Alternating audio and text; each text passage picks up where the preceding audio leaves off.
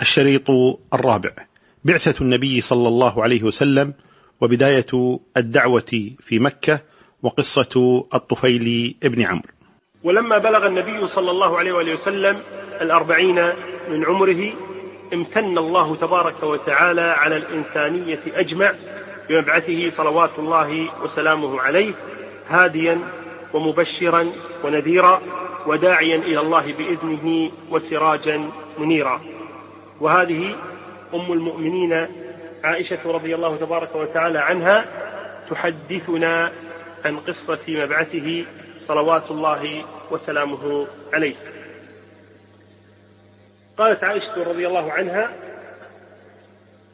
أول ما بدأ به رسول الله صلى الله عليه وسلم من الوحي الرؤيا الصالحة في النوم فكان لا يرى رؤيا إلا جاءت مثل فلق الصبح. أي كضوء النهار. كما رآها تقع صلوات الله وسلامه عليه. ثم حبب إليه الخلاء. أي الوحدة. وكان يخلو بغار حراء. فيتحنث فيه. يعني يتعبد في هذا الغار. الليالي ذوات العدد. قبل أن ينزع إلى أهله. أي قبل أن يرجع إلى أهله ويتزود لذلك.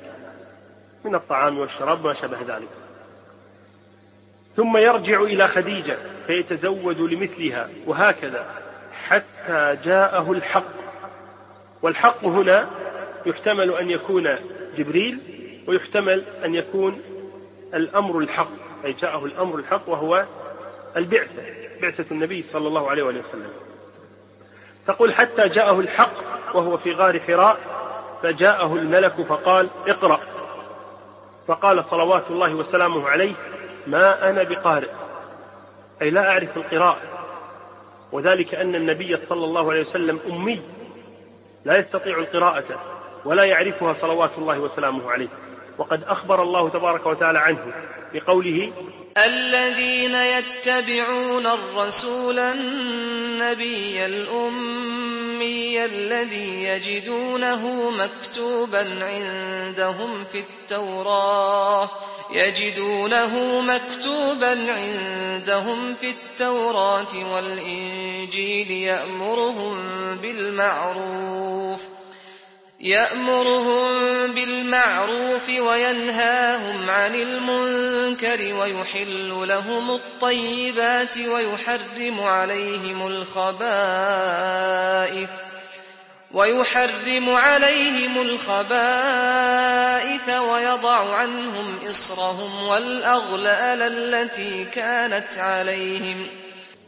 وأخبر النبي صلى الله عليه وسلم عن نفسه فقال إنا أمة أمية لا نكتب ولا نحسب. رواه البخاري ومسلم. فقال له اقرأ.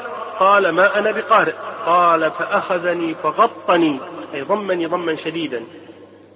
حتى بلغ مني الجهدة أي التعب. ثم أرسلني فقال اقرأ. قلت ما أنا بقارئ. يقول فأخذني فغطني الثانية. حتى بلغ مني الجهدة ثم أرسلني فقال اقرأ. قلت ما أنا بقارئ. فأخذني فغطني الثالثة ثم أرسلني فقال اقرأ باسم ربك الذي خلق خلق الإنسان من علق. اقرأ وربك الأكرم الذي علم بالقلم علم الإنسان ما لم يعلم. تقول عائشة رضي الله عنها فرجع بها رسول الله صلى الله عليه وسلم يرجف فؤاده. أي من الخوف صلوات الله وسلامه عليه. الأمر غريب. يأتيه الملك في هذا المكان الموحش المظلم في الليل ويضمه هذا الضم الشديد. فأوقع هذا خوفا في قلب النبي صلى الله عليه وآله وسلم وهذا خوف فطري لا يضره شيئا. فدخل على خديجة بنت خويلد رضي الله عنها فقال زملوني زملوني. وذلك أن الخائف يشعر بالبرد والرعشة فيحتاج إلى أن يتلحف ويتغطى حتى يذهب عنه ما يجد من الرجفة. فزملوه حتى ذهب عنه الروع. فقال لخديجة وأخبرها الخبر. قال لقد خشيت على نفسي. قالت خديجة وهي المثبتة وهي التي اختارها الله تبارك وتعالى نبيه صلى الله عليه وسلم. قالت له كلا والله ما يخزيك الله أبدا. هذا الكلام من خديجة تبدأه بالنفي ثم بالقسم والله ما يخزيك الله أبدا وتؤكده بقولها أبدا. كل هذا دليل على ثقة هذه المرأة بربها تبارك وتعالى ومعرفتها الحقة بمحمد صلى الله عليه وآله وسلم. والسبب الذي من أجله بنت هذا الكلام هو ما ذكرته بعد ذلك. قالت والله ما يخزيك الله أبدا إنك لتصل الرحم وتحمل الكلة. الكل هو الذي لا يستطيع أن يستقل بأمره يعني يساعده. وتكسب المعدوم الذي ما عنده شيء تعطيه. وتقري الضيف تكرم الضيف. وتعين على نوائب الحق أي على مصائب الدنيا تعين عليها. كأنها تقول للنبي صلى الله عليه وسلم من كانت هذه صفاته لا يمكن أن يقع الخزي من الله عليه أبدا. لأن هذه الصفات صفات كمال. فقالت والله ما يخزيك الله أبدا. ثم انطلقت به حتى أتت به ورقة ابن نوفل وهو ابن عم لها وقيل هو عمها. وكان امرأ تنصر في الجاهلية يعني اتخذ النصرانية دينا. وذلك أن قريشا كانت على الشرك على الوثنية. وكان هناك بعض النصارى. وهم أقرب الناس إلى الحق في ذلك الوقت. تقول وكان امرأ تنصر في الجاهلية وكان يكتب الكتاب العبراني. الكتاب العبراني يعني التوراة والإنجيل وسميت اللغة باللغة العبرانية نسبة إلى عبورهم النهر. قالت فيكتب من الإنجيل بالعبرانية ما شاء الله أن يكتب وكان شيخا كبيرا قد عمي عمي. فقالت له خديجة يا ابن عم اسمع من ابن أخيك. فقال له ورقة يا ابن أخي ماذا ترى؟ فأخبره رسول الله صلى الله عليه وسلم خبر ما رأى. فقال له ورقة هذا الناموس الذي نزل الله على موسى. أي هذا الشيء هو الذي أنزله الله تبارك وتعالى على موسى صلوات الله وسلامه عليه. يا ليتني فيها جدعا ليتني أكون حيا إذ يخرجك قومك. جدعا يعني شابا قويا. ليتني أكون حيا إذ يخرجك قومك. فقال رسول الله صلى الله عليه وسلم أو مخرجيهم؟ استبعد النبي صلى الله عليه وسلم أن يخرجه قومه. وذلك لأنه يرى صلوات أن قومه يحبونه حبا شديدا ولا يسمونه إلا الصادق الأمين صلوات الله وسلامه عليه. قال أو مخرجيهم؟ قال نعم. لم يأت رجل قط بمثل ما جئت به إلا عودي. وهذه قاعدة مهمة وأصل عظيم. بنى عليه ورقة بن نوفل رأيه. وذلك أن كل الأنبياء أوذوا وعودوا. فمنهم من قتل ومنهم من طرد ومنهم من أوذي ومنهم من خوف. وهذا كثير. يقول لم يأت رجل قط بمثل ما جئت به إلا عودي وإن يدركني يومك أنصرك نصرا مؤزرا. ثم لم ينشب ورقة أن توفي وفتر الوحي. بعد ذلك توفي ورقة ابن نوفل رحمه الله تبارك وتعالى وفتر الوحي أي انقطع الوحي مدة طويلة. وهذه المدة قدرها أهل العلم بستة أشهر وقال بعضهم إنها بلغت ثلاث سنين. الشاهد أن ورقة بن نوفل رحمه الله تعالى ثبت عن النبي صلى الله عليه وسلم أنه بشره بالجنة أو أخبر أنه من أهل الجنة. ولكن هل كان صحابيا؟ الصحيح أنه لم يكن صحابيا. وذلك أنه لم يدرك الرسالة. لأنه مات بعد مبعث النبي صلى الله عليه وسلم وقبل تبليغه صلوات الله وسلامه عليه. ولا بأس هنا أن نذكر أنواع الوحي. أنواع الوحي ستة. كما قال أهل العلم منها الرؤيا الصادقة. وهي كانت مبدأ الوحي للنبي صلى الله عليه وآله وسلم. ثم القسم الثاني وهو ما كان يلقيه الملك في روع النبي وقلبه صلوات الله وسلامه عليه. كقوله صلوات الله وسلامه عليه إن روح القدس نفث في روعي. أنه لن تموت نفس حتى تستكمل رزقها. فاتقوا الله وأجملوا في الطلب. والقسم الثالث أنه كان يتمثل الملك رجلا فيخاطب النبي صلى الله عليه وسلم حتى يعي عنه. كما في حديث جبريل لما جاء للنبي صلى الله عليه وسلم وهو بين أصحابه. الرابعة أو القسم الرابع أنه كان يأتيه في مثل صلصلة الجرس. وكان هذا أشده عليه. حتى أن جبين النبي صلى الله عليه وسلم لا يتفصد عرقا في اليوم الشديد البرد. القسم الخامس أن يرى الملك في صورته التي خلقه الله تبارك وتعالى عليها فيوحي إليه ما شاء. والصورة السادسة ما يوحيه الله تبارك وتعالى لنبيه صلى الله عليه وسلم مباشرة بدون واسطة ملك. وبعد أن تكلمنا عن الوحي الذي أوحاه الله تبارك وتعالى لنبيه وبشره به أنه رسول من عند الله صلوات الله وسلامه عليه ننبه هنا إلى أهل مكة وكيف وصل إليهم الشرك وهل كانوا على دين إبراهيم عليه الصلاة والسلام أو لا.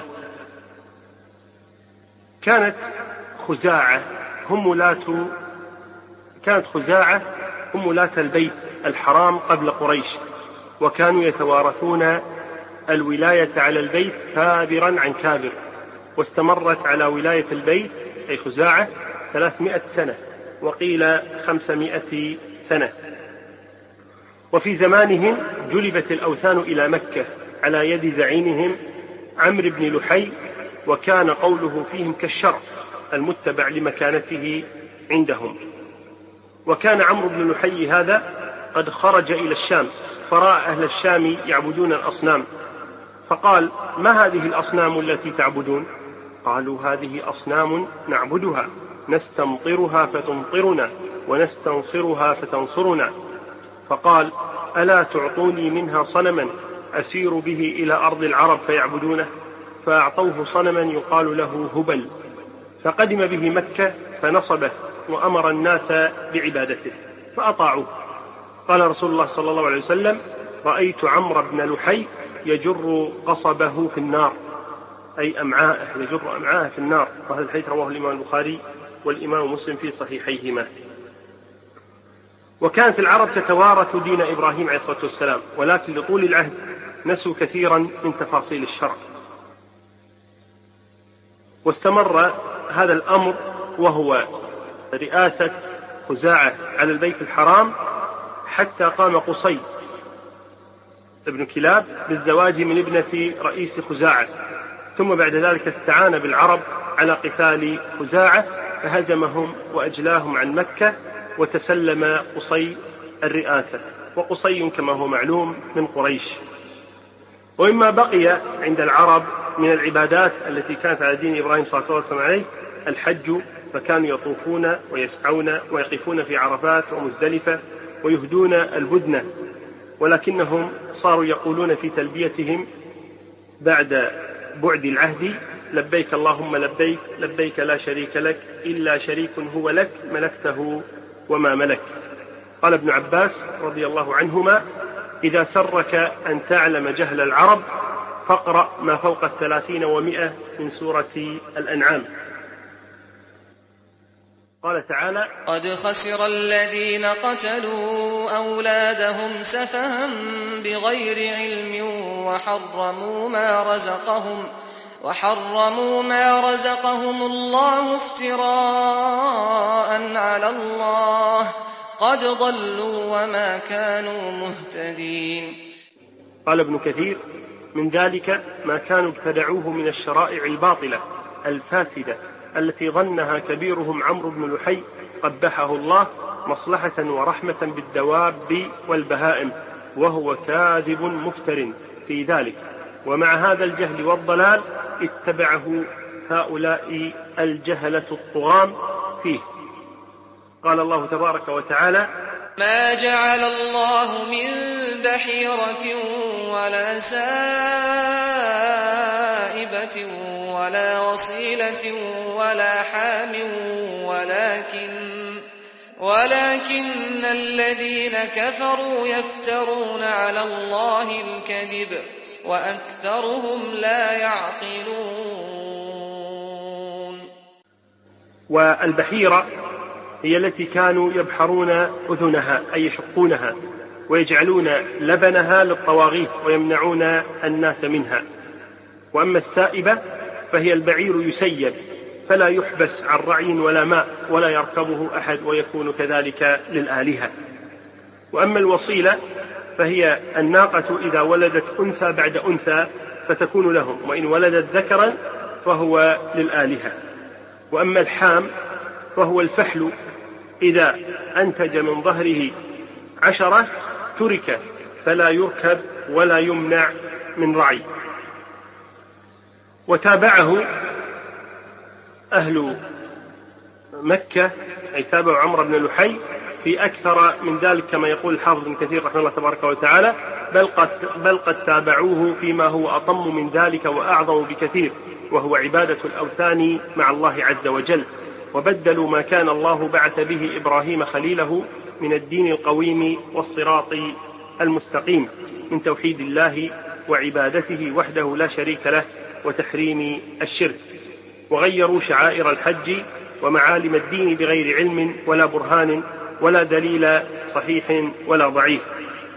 واتبعوا في ذلك من كان قبلهم من أمم المشركين. انتهى كلامه رحمه الله تعالى. وقد كانت العرب اتخذت مع الكعبة طواغيث تعظمها كتعظيم الكعبة. لها سدنة وهم الخدم وحجاب يذبح لها ويطاف حولها ومع هذا كله يعرفون فضل الكعبة. أما تلك الآلهة فكانت لقريش العزى وهبل وكانت اللات لثقيف وكانت مناة للأوس والخزرج وكان ذو الخلصة لدوس.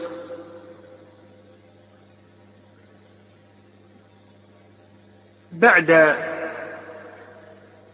أن أوحي للنبي صلى الله عليه وآله وسلم وبشر صلوات الله وسلامه بأنه نبي وبعد انقطاع الوحي الفترة التي ذكرناها وعاد إليه مرة ثانية. صار صلوات الله وسلامه عليه يدعو المقربين إلى دين الله تبارك وتعالى. فكان أول من أسلم مع النبي صلى الله عليه وسلم من النساء خديجة ومن الموالي زيد بن حارثة ومن الغلمان علي بن أبي طالب ومن الرجال الأحرار أبو بكر الصديق ومن العبيد بلال بن رباح. جاء في صحيح البخاري من حديث همام بن الحارث عن عمار بن ياسر قال رأيت رسول الله صلى الله عليه وسلم وما معه إلا خمسة أعبد وامرأتان وأبو بكر. وأسلم على يدي أبي بكر الصديق الزبير بن العوام وعثمان بن عفان وطلحة بن عبيد الله وسعد بن أبي وقاص وعبد الرحمن بن عوف رضي الله تبارك وتعالى عنهم أجمعين. وجاء كذلك في صحيح مسلم من حديث أبي أمامة عن عمرو بن عبسة السلمي رضي الله عنه قال أتيت رسول الله صلى الله عليه وسلم في أول ما بعث وهو بمكة وهو حينئذ مستخفي. فقلت ما أنت؟ قال أنا نبي. قلت وما النبي؟ قال رسول الله قلت آه الله أرسلك؟ قال نعم. قلت بما أرسلك؟ قال بأن تعبد الله وحده لا شريك له وتكسر الأصنام وتصل الأرحام. قال قلت نعم ما أرسلك به فمن اتبعك على هذا؟ قال حر وعبد يعني أبا بكر وبلالا. قال فكان عمرو بعد ذلك يقول لقد رأيتني وأنا ربع الإسلام. قال فأسلمت. قلت فأتبعك يا رسول الله. قال لا ولكن الحق بقومك فإذا أخبرت أني قد خرجت فاتبعني. وروى أبو داود الطيالسي عن ابن مسعود رضي الله عنه قال كنت غلاما يافعا أرعى غنما لعقبة بن أبي معيط بمكة. فأتى علي رسول الله صلى الله عليه وسلم أبو بكر وقد فر من المشركين. فقال عندك يا غلام لبن تسقينا؟ قلت إني مؤتمن ولست بساقيكما. فقال هل عندك من جذعة لم ينز عليها الفحل بعد؟ أي لم يجامعها الفحل بعد؟ قلت نعم فأتيتهما بها. يعني ائتنا بجذعة ليس فيها لبن. يقول فاعتقلها أبو بكر وأخذ رسول الله صلى الله عليه وسلم الضرع ودعا فحفل الضرع وأتاه أبو بكر بصخرة متقعرة فحلب فيها ثم شرب هو وأبو بكر ثم سقيان ثم قال للضرع اقلص فقلص أي رجع كما كان. فلما كان بعد أتيت رسول الله صلى الله عليه وسلم فقلت علمني من هذا القول الطيب يعني القرآن. فقال إنك غلام معلم. يقول فأخذت من فيه سبعين سورة ما ينازعني فيها أحد أي من فمه. وكذلك ممن أسلم في أول الأمر أبو ذر الغفاري وقصته كما يلي. أخرج الإمام مسلم في صحيحه عن أبي ذر الغفاري قال خرجنا من قومنا غفار وهم يحلون الشهر الحرام فخرجت أنا وأخي أنيس وأمنا فنزلنا على خال لنا فأكرمنا خالنا وأحسن إلينا. فحسدنا قومه فقالوا إنك إذا خرجت عن أهلك خالف إليهم أنيس. يعني أنه يخونه في أهله. فجاء خالنا فنفى علينا الذي قيل له. يعني قال لنا وذكر لنا ما قيل له. فقلت له أما ما مضى من معروفك فقد كدرته. أي بتصديقك هذه الأخبار. ولا جماع لك فيما بعد. فقربنا صرمتنا فاحتملنا عليها الصرمة هي الناقة. يقول فتركنا خالنا وسرنا بعد أن اتهمنا هذا الاتهام الباطل أو صدق الناس فينا. يقول وتغطى خالنا ثوبه فجعل يبكي. يقول فانطلقنا حتى نزلنا بحضرة مكة أي قريبا من مكة. فنافر أنيس عن صرمتنا وعن مثلها. فأتيا الكاهن فخير أنيسا فأتانا أنيس بصرمتنا ومثلها معها. يعني أن أنيس كان شاعرا فجاء إلى قريب مكة ففاخر الناس بالشعر ثم احتكموا على ناقة مقابل ناقة ثم احتكموا إلى الكاهن فحكم لأنيس أنه أشعر فأخذ الصرمة الثانية أي الناقة الثانية أي كسب ناقة في المغامرة بالشعر.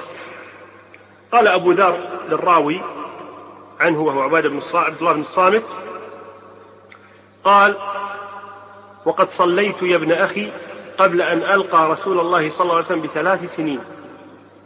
قلت يعني عبد الله بن الصامت يقول لأبي ذر لمن؟ قلت لله. قلت فأين توجه؟ يعني إلى أي قبلة؟ قلت أتوجه حيث يوجهني ربي أصلي عشاء حتى إذا كان من آخر الليل ألقيت كأني خفاء حتى تعلوني الشمس. يعني خفاء كأني يعني كساء كأني ثوب يعني من ضعفي وتعبي سقطت ونمت. لا حركة في. قال أبو ذر فقال لنا أخي أنيس إن لي حاجة بمكة فاكفني أي يبقى مع أمي حتى أذهب وأرجع. يقول فانطلق أنيس حتى أتى مكة. فراس علي يعني تأخر. ثم جاء فقلت ما صنعت؟ قال لقيت بمكة رجلا على دينك. يزعم أن الله أرسله. قال أبو ذر فقلت فما يقول الناس؟ قال يقولون شاعر كاهن ساحر. يقول وكان أنيس أحد الشعراء. قال أنيس لقد سمعت قول الكهنة فما هو بقولهم؟ ولقد وضعت قوله على أقراء الشعر يعني على أنواع الشعر وأوزانه. يقول فما يلتئم على لسان أحد بعدي أنه شعر أي ليس بشعر. والله إنه لصادق وإنهم لكاذبون. قال أبو ذر قلت لأنيس فاكفني حتى أذهب فأنظر. أي ابقى أنت مع أمي حتى أذهب أنا وأنظر.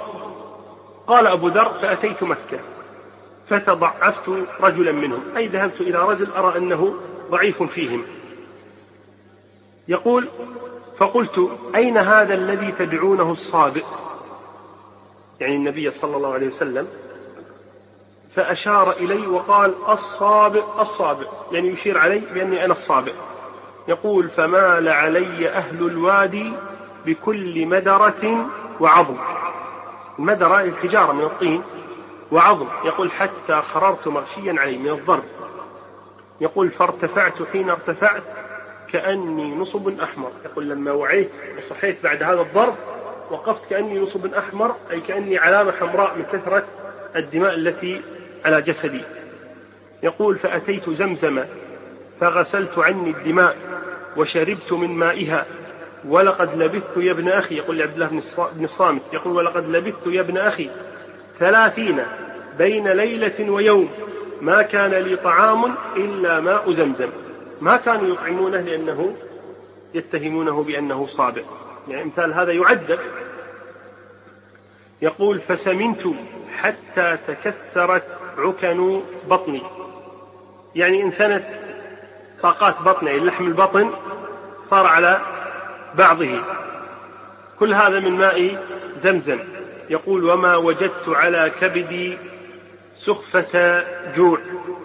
أي ما ما شعرت بالضعف بسبب الجوع أنه جلس شهرا كاملا لا يشرب إلا ماء زمزم. قال فبين أهل مكة في ليلة قمراء إضحيان يعني مضيئة منورة إذ ضرب على أسمختهم. أسمختهم يعني أصمختهم آذانهم. يقول إذ ضرب, إذ ضرب على أسمختهم فما يطوف بالبيت أحد. يعني الناس كلهم نيام يقول وامرأتين منهما تدعوان إسافا ونائلة. يعني رأيت امرأتين تدعوان إسافا ونائلة. إساف صنم ونائلة صنم. يقول فأتتا علي وهما في طوافهما. فقلت أنكح أحدهما الأخرى. يعني يستهزئ بآلهتهما. يقول أنكحوا إسافا من نائلة. زوجوا إسافا من نائلة. يقول فما تناهتا عن قولهما. ثم انطلقتا تولولان أي تصيحان وتقولان لو كان ها هنا أحد من أنفارنا. أي لو كان أحد هنا يقوم فيدافع عنا وعمن آذانا.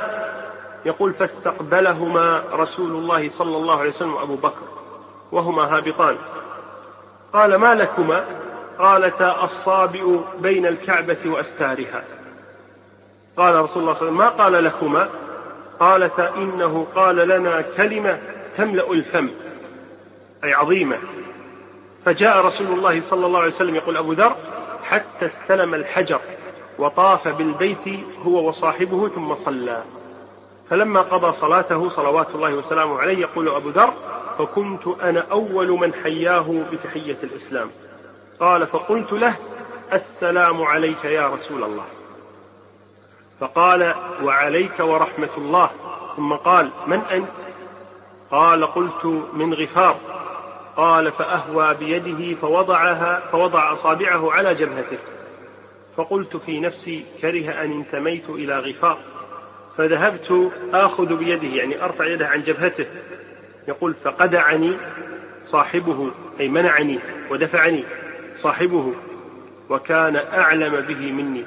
ثم رفع رأسه أي النبي صلى الله عليه وسلم ثم قال متى كنت ها هنا؟ قال قلت قد كنت ها هنا منذ ثلاثين بين ليلة ويوم. قال فمن كان يطعمك؟ قال قلت ما كان لي طعام إلا ماء زمزم فسمنت حتى تكسرت عكن بطني وما أجد على كبدي سخفة جوع. يعني ما أشعر بجوع. فقال له النبي صلى الله عليه وسلم إنها مباركة إنها طعام طعم. فقال أبو بكر يا رسول الله ائذن لي في إطعامه الليلة. فانطلق رسول الله صلى الله عليه وسلم وأبو بكر وانطلقت معهما. ففتح أبو بكر بابا فجعل يقبض لنا من زبيب الطائف. الزبيب اللي هو العنب.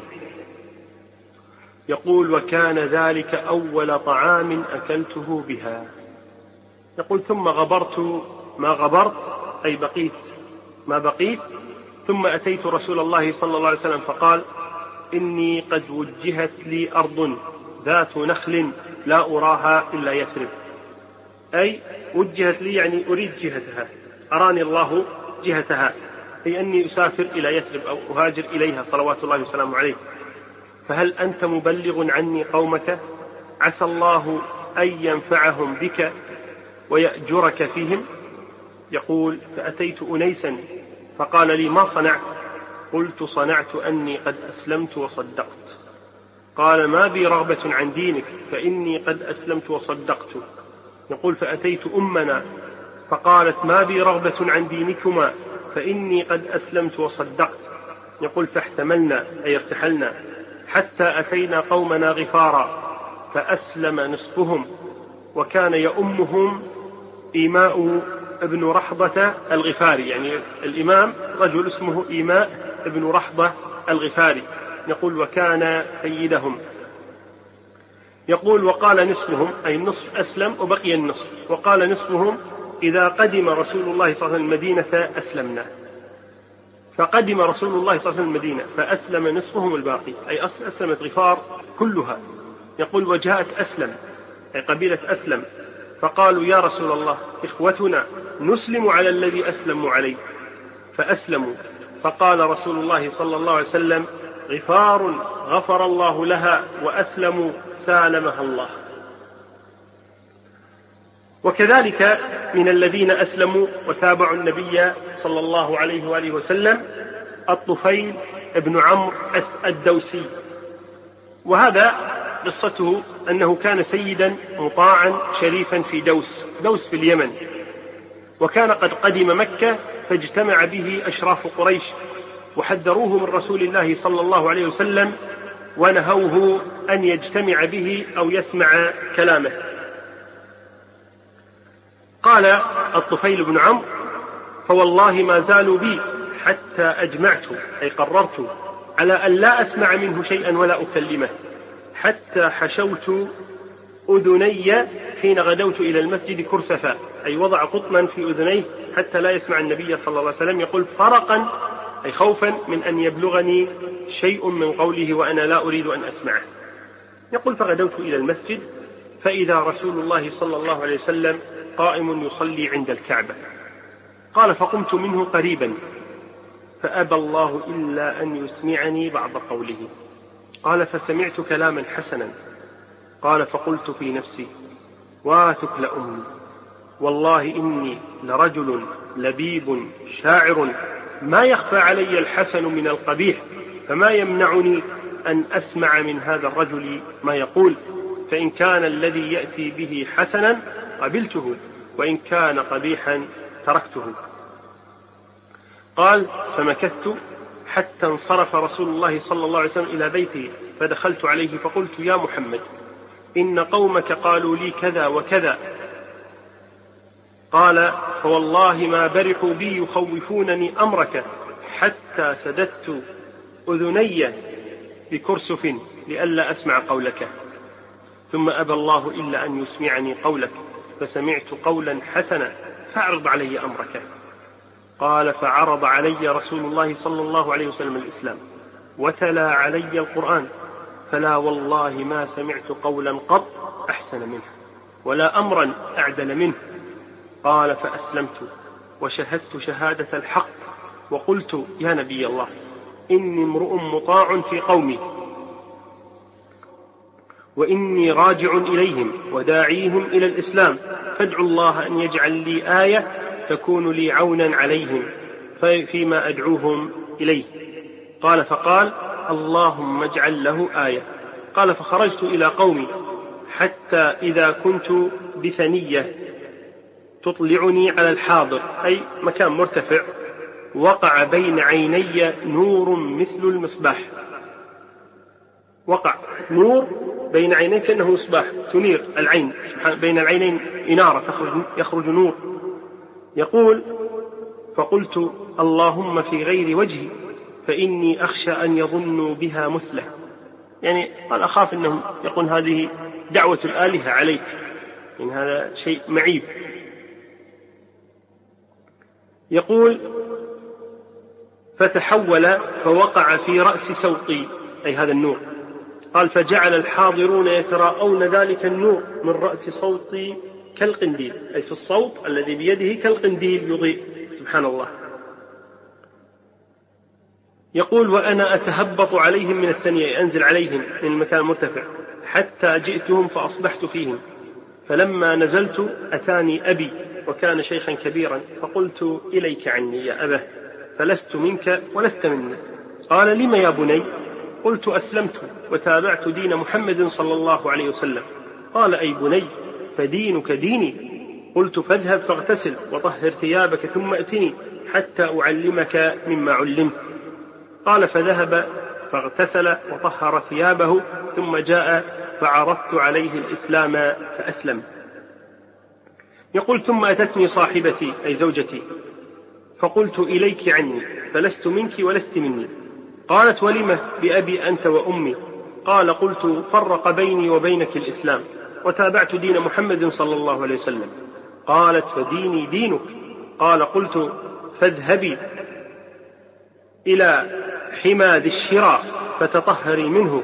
وكان ذو الشرى هذا الصنم لدوس. كان صنما لدوس وكان الحمى الذي حموه حوله به وشل من ماء يهبط من جبل نقاط من ماء تهبط من جبل.